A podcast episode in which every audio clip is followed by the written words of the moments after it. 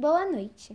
Meu nome é Clara, eu estudo no Colégio Dante Alighieri e eu escolhi você para fazer uma entrevista sobre a sua profissão, que será utilizada no projeto de vida que está sendo feito nas aulas de gestão pessoal e interpessoal, caso você autorize a utilização do seu áudio.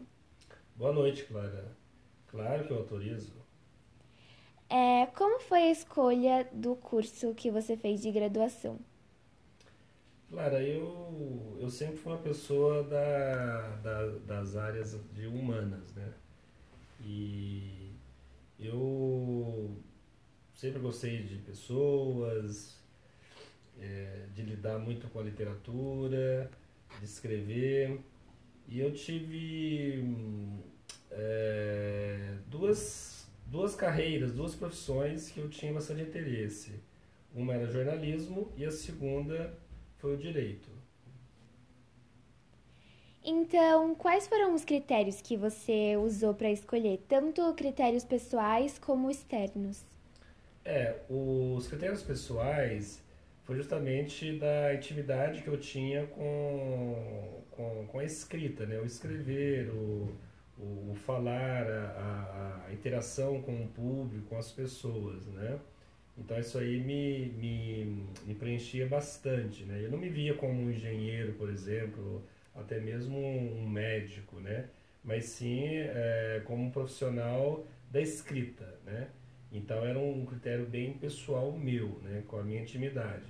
Agora o, o critério externo foi justamente é, é, poder fazer um pouco de, de justiça, é, de poder ajudar, de poder é, é, é, solucionar problemas, compreender os problemas das pessoas, entender e dar uma solução. Né? Então acho que eu, é um, e, as, e, a, e, as próprias possibilidades que o curso com o qual eu escolhi, que foi o direito, né? me permitia, não só de, de, de ser um juiz, um promotor, é, é, o próprio advogado, né, de executar, executar ali o ofício. Foi sua primeira escolha? Então, eu, claro, eu quando eu estava na fase de vestibular, um pouco antes, eu a, a, primeira ideia minha era jornalismo, né? Eu queria, eu até escrevia bastante jornais, é, desde muito novo. E só que é, o jornalismo ele e o direito, o jornalismo me restringiu um pouco a área de atuação, né? É, é já o direito me permitia, é, além de, de, exercer a própria advocacia, como também a magistratura, é, a procuradoria, o Ministério Público. Então eu achei que tinha mais leque. É por esse motivo que eu resolvi fazer o curso de Direito. Você se considera um bom, um bom profissional?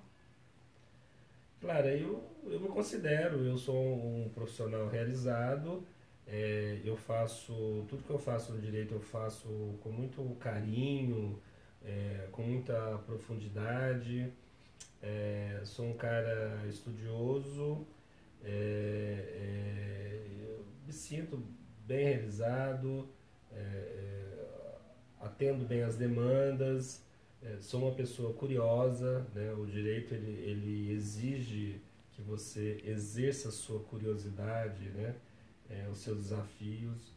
Então eu me sinto ser uma pessoa realizada é, no, no, nesse momento, no momento que eu estou na minha carreira. Muito obrigada pela sua entrevista.